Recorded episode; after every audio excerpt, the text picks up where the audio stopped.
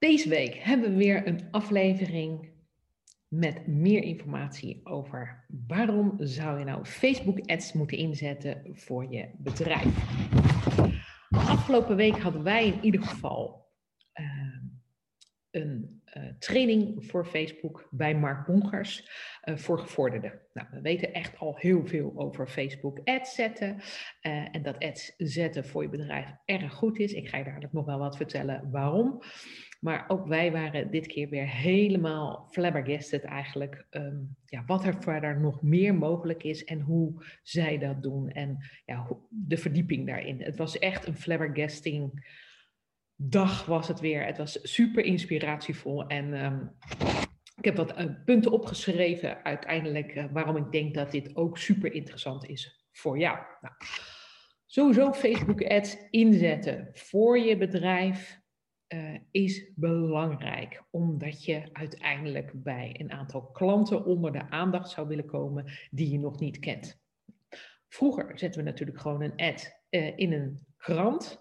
Nou, op dit moment is dat natuurlijk of je doet het in Google of je doet dat in Facebook. Nou, sommige mensen hebben helemaal geen Facebook meer of hebben hun account niet meer. Nou, die heb je wel nodig om uiteindelijk een ad te zetten. Als je ook bijvoorbeeld ook in Instagram zou willen zeg maar, adverteren.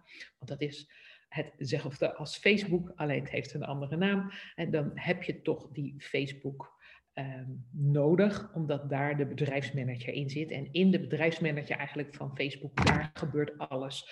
Aan de achterkant en het instellen van alle ja, onderdelen, zeg maar even voor zo'n Facebook-ad.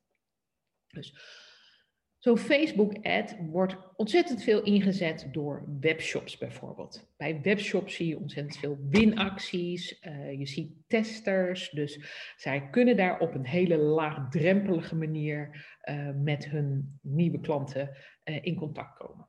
Nou, wat wij interessant vonden eigenlijk is dat we zagen eigenlijk dat wij voor klanten zetten wij best wel veel ads. En uh, uiteindelijk onze eigen ad deed het niet altijd zoals wij dat heel graag wilden. En dat vond ik super irritant. En dat was ook een van de redenen waarom wij uh, deze uh, training voor gevorderden zijn gaan doen. Nou, wat grappig was dat we er heel snel achter kwamen waarom dat zo is. En als je dus een webshop hebt, dan doe je bijvoorbeeld hè, verkoop aan de consumer. Dat zeg maar even, dat soort ads zijn veel goedkoper dan ads business to business. Nou, wij doen alleen maar business to business. Dus daarom begreep ik ook dat onze ads sowieso altijd duurder waren. Uh, want je zit in dat veilingssysteem. Um, en dus de webshops kunnen veel goedkopere ads zetten. Dus daar kwamen we al achter. Was heel interessant eigenlijk om te weten dat die business-to-business ads veel duurder zijn, maar je gaat ook op een hele andere manier naar die business kijken en ook naar de ad kijken. Want je betaalt in de ad per duizend views. En de views natuurlijk voor de business-to-business is veel ja, duurder.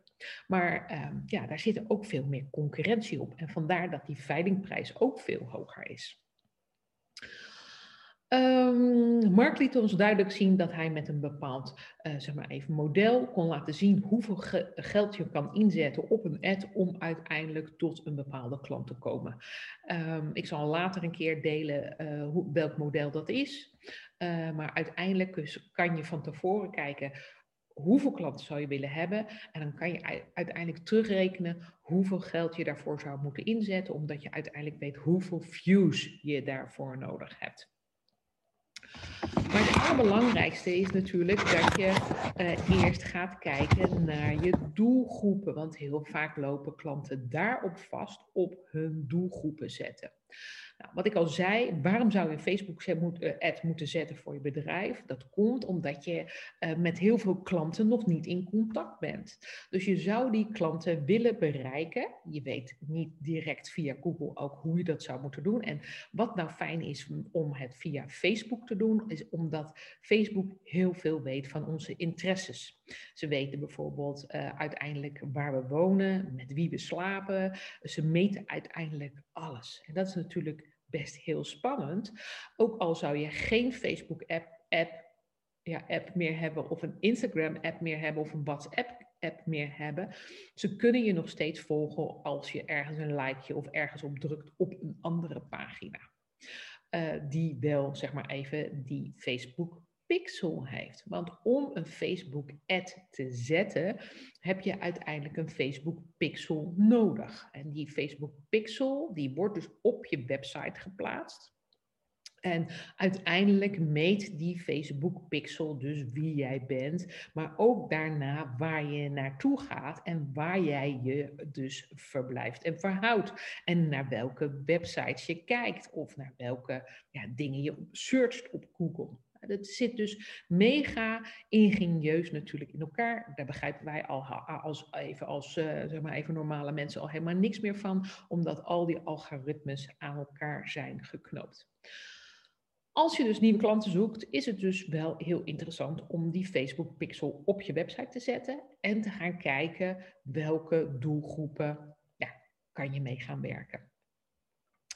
Om dat uit te zoeken, zou ik zeggen, ga eens kijken als je zelf naar iets zoekt van jezelf. En als je naar bijvoorbeeld bij mij naar business coaching zou kijken, wat zou daar dan uitkomen bijvoorbeeld op Google Analytics? Ga eens kijken of je die interesses bijvoorbeeld ook zou kunnen terugvinden uh, in uh, Facebook. Um, maar je kan ook op andere interesses zoeken natuurlijk. Dus die interessegebieden, die zijn heel erg interessant om je doelgroep te maken. En wat interessant natuurlijk ook is, is dat je uh, een niet te grote doelgroep moet neerzetten. Nou, wat ik al zei, bij ons werkte dat hele systeem van die Facebook-ads uh, niet zoals ik dat graag wilde. Ik wil niet zeggen dat het super slecht was, maar het werkte gewoon niet. Ik, ik dacht, we kunnen er meer uithalen. Het kan beter. En uh, wat ook interessant was, waar we dan uit achterkwamen van de week, is dat wij dus best een grote doelgroep hanteerden van 700.000 tot 800.000 mensen. Nou, we zijn er dus ook achter gekomen, als je dus zo'n grote doelgroep gaat uh, benaderen, dat je dus ook een veel hogere prijs moet betalen. Um, dus het is veel beter om met kleine groepen te testen, uh, van rond de 100.000 tot 200.000. Nou, je kan dus in Facebook ook je uh, zeg maar even je doelgroep dus verkleinen. En dat is zeg maar even waar de echt de gevorderde training over gaat. En vaak doen mensen bijvoorbeeld maar uh, één hoofd, uh, zeg maar even interesse en dan nog een interesse daarbij. Maar uiteindelijk wil je ook bepaalde mensen gaan uitsluiten. En als je je doelgroepen gaat testen, kan je bijvoorbeeld ook kijken in een bepaalde links die ze hadden opgegeven, wat de overlap was tussen die uh, twee doelgroepen. Dus als jij um, twee advertentiesets wil gaan zetten, allebei met een andere doelgroep, uh, dan is het natuurlijk niet heel handig dat die twee doelgroepen tegen elkaar gaan concurreren. Uh, omdat je uiteindelijk je eigen budget inzet en je eigenlijk tegen jezelf aan het opbieden bent. Dus, uh, we hebben een tool gekregen waar we dus ook kunnen kijken hoe die twee doelgroepen zich ja, zeg maar verhouden. Is er meer dan 10% overlap? Nou, dan is het niet interessant om die twee doelgroepen tegenover elkaar te zetten. Het moeten echt twee heel verschillende doelgroepen zijn. Wil je daarmee aan de slag gaan. Zo hadden wij zelf ook nog nooit uh, naar die ads gekeken. Dus dat was ontzettend interessant om dat te doen. Uh, wat ik ook super interessant vond eigenlijk is om te kijken in de Facebook Library. Daar kun je dus gewoon kijken wat jouw concurrenten aan het doen zijn en welke teksten ze plaatsen, welke uh, plaatjes ze plaatsen. Want de, en de meeste ads staan er maar twee tot drie weken. Nou, als er dus een ad heel erg lang staat van een bepaalde concurrent, dan is het ook super interessant om daar even naar te kijken. Want dat betekent dus dat die ad precies het oplevert, want anders laat diegene hem niet langdurig staan. Dan is het geen evergreen. Super interessant om te kijken wat gebeurt er dus bij anderen en hoe hebben ze dat aangevlogen. Ik vond het verder een hele goede tip. Um, wil niet zeggen natuurlijk dat je het precies na gaat doen en precies na gaat apen, maar het is wel belangrijk om te kijken, hey, wat doen anderen en wat kan ik er dus van leren? Dat is natuurlijk wel belangrijk. Uh, op dit moment ook fijn dat we juist in de gevorderde uh, training zitten, omdat uh, het hele iOS-systeem 14 wordt geïntroduceerd bij Apple. En uh, ik weet niet of jij het weet, maar uh, Apple heeft uh, afgelopen maand volgens mij, of gaat aankomende nou ja, weken doorvoeren, uiteindelijk dat, er, dat je niet alles meer gecontroleerd mag worden. En dat is natuurlijk ook terecht. Daar moeten een aantal dingen voor doorgevoerd worden. En die hele iOS-verandering, ja, die is eigenlijk opgedrongen. Er moeten een aantal dingen nog aangevinkt worden. Zelfs onze, zeg maar even, website-leverancier, die moet nog een aantal dingen veranderen voordat we dat kunnen aanvinken. Maar wij hebben ook meegekregen hoe we uiteindelijk die hele pixel en die hele API weer opnieuw uh, op onze website kunnen neerzetten, zodat alle Facebook-gebruikers met een Apple-product sowieso ook nog onze ads te zien krijgen. Heb je dus nog niet die iOS 14 verandering doorgevoerd? Met je Facebook pixel op jouw site, dan zou ik zeggen, dan moet je dat volgende week echt direct doen. Dat is een must. Want anders zijn jouw eh, Facebook ads niet meer zichtbaar voor Apple gebruikers. En dat zijn er nogal wat, zou ik zeggen. Wat superleuk is, vind ik, van het hele Facebook adverteren, is dat je door een lead magnet uiteindelijk klanten weer naar je toe zou kunnen trekken nieuwe klanten. Nieuwe klanten die jij kan inzetten om uiteindelijk mee aan de slag te gaan. Maar wat is uiteindelijk de bedoeling, zeg maar even, van die Facebook-ad? Dat we uiteindelijk die e-mailadressen binnenkrijgen. Als je kijkt naar een dienstverlener bijvoorbeeld, is het super slim om met een lead magnet te werken. Ze noemen hem ook wel een weggever, zodat je nou ja, interessante, waardevolle informatie weggeeft en uiteindelijk dat e-mailadres ervoor terugkrijgt. Wat ook interessant is, is dat je die persoon voor de volgende keer in je ad gewoon kan uitsluiten. Heb je dat wel eens gedaan? Heb je een ad gezet en heb je mensen uitgesloten? Zou zonde zijn als je dat niet doet, want uiteindelijk betaal je voor die klik. En dat wil je niet. En voor die views. En dus um, als die klant uiteindelijk is aangetrokken, nou, dan willen we natuurlijk dat die uiteindelijk, ga even opzoeken, want ik had dat opgeschreven, gaat consumeren. Hij, we willen uiteindelijk dat hij iets bij jou gaat kopen.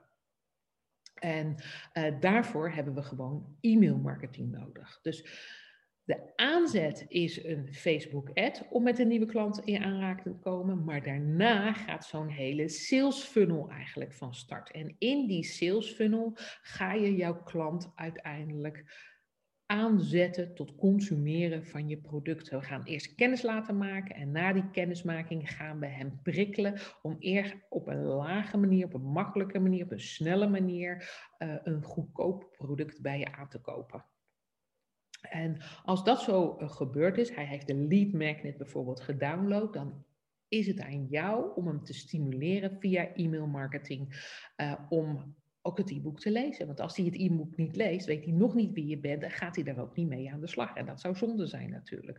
Uh, en dan ben je niet op het netvlies. Dus als je die sales funnel maakt, denk er dan ook goed over na wat het doel is van de sales funnel en wat je uiteindelijk wil bereiken daarmee. Ja? Daarna willen we hem natuurlijk, als hij het geconsumeerd heeft, ook converteren. Uiteindelijk de aankoop doen. En het zal, het, eh, sommige mensen gaan nooit over tot de aankoop. Dat is natuurlijk, uh, daar zijn altijd mensen die alleen maar voor gratis gaan. Nou ja, op die klanten zit je in ieder geval niet te wachten.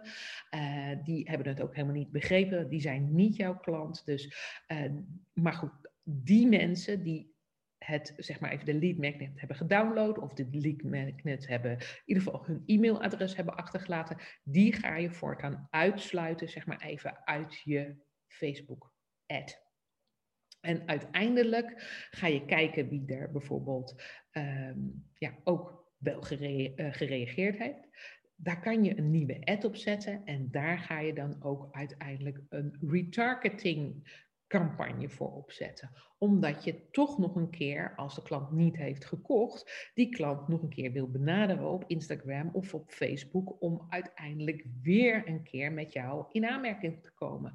Of het zelfs een ad te zetten. Joh, je hebt mijn lead magnet of je hebt mijn e-book heb je uh, gedownload. Um, maar je hebt nog niks afgenomen, of je hebt, ik, heb je het al gezien, of heb je het gelezen, of whatever. In je e-mail marketing kan je natuurlijk heel goed kijken wie heeft de mail geopend, wie heeft hem niet geopend, wie heeft het e-book gelezen, wie heeft het niet gelezen. Daar ga je natuurlijk ook een hele uh, reeks van verschillende e-mails voor maken, maar uiteindelijk kan je de ene dus uitsluiten en de andere kan je retargeten. Dat is waarom het zo mega interessant is om uiteindelijk een Facebook-ad te zetten. Zo'n retargeting-programma of uh, campagne hoeft helemaal niet zo heel veel uh, geld te kosten. Want uiteindelijk um, zijn dat er niet heel veel mensen. En kom je met soms 1 euro of 2 euro per dag al heel erg ver. Nou, wil je echt natuurlijk koude klanten aantrekken, dan wat ik al zei, is dat voor business to business een veel duurder traject dan voor een webshop aan uh, business to consumer. Um, maar wat we altijd in gedachten moeten houden, wat is het doel van de ad en wat willen we ermee? Zeg jij, nou, Facebook ads zijn helemaal niks voor mij. Nou, daar ben ik dat heel benieuwd naar, want ik denk dat Facebook ads voor iedere klant op ieder moment in, zeg maar even, jouw funnel interessant zou kunnen zijn. Dus dan mag je beter nadenken over welk product of welke dienst je waar onder de aandacht zou kunnen brengen.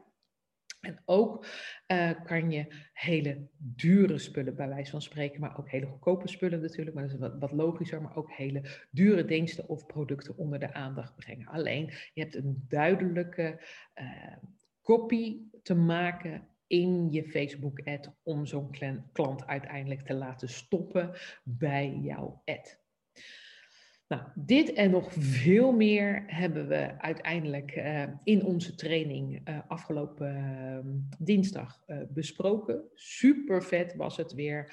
Um, maar wat ik het allerinteressantste vond eigenlijk is dat de hele gedachte van uiteindelijk een klant zeg maar even vangen, dat, dat, dat Facebook Ads maar een middel is. Dat je dat constant ook op je website kan doen en constant de procedure is uiteindelijk met die sales funnel erachter uh, om die klant uiteindelijk te overtuigen om met jou een afspraak te maken of uiteindelijk direct hem een aankoop te laten doen.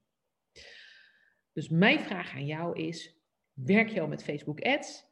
Werk je al met een e-mail funnel? En uh, wat zijn je reacties of hoe werkt het? Nou, laat een reactie achter. Uh, nou, gewoon onder de uh, comments. of stuur me een bericht. Francina at masteryourbusinessmoves.nl ik zou het superleuk vinden als jij deze weer zou liken, uh, dat je deze zou delen. Maak hier even een foto van. Zet het op uh, Instagram. Tag me daarin. Um, geef een duimpje. Of als jij denkt, ja, deze uh, aflevering is iets voor die of die. Zorg ervoor dat je gewoon deze aflevering gewoon gaat delen. En dat je de informatie die we delen, dat iedereen daar gebruik van kan maken waarvoor het nodig is.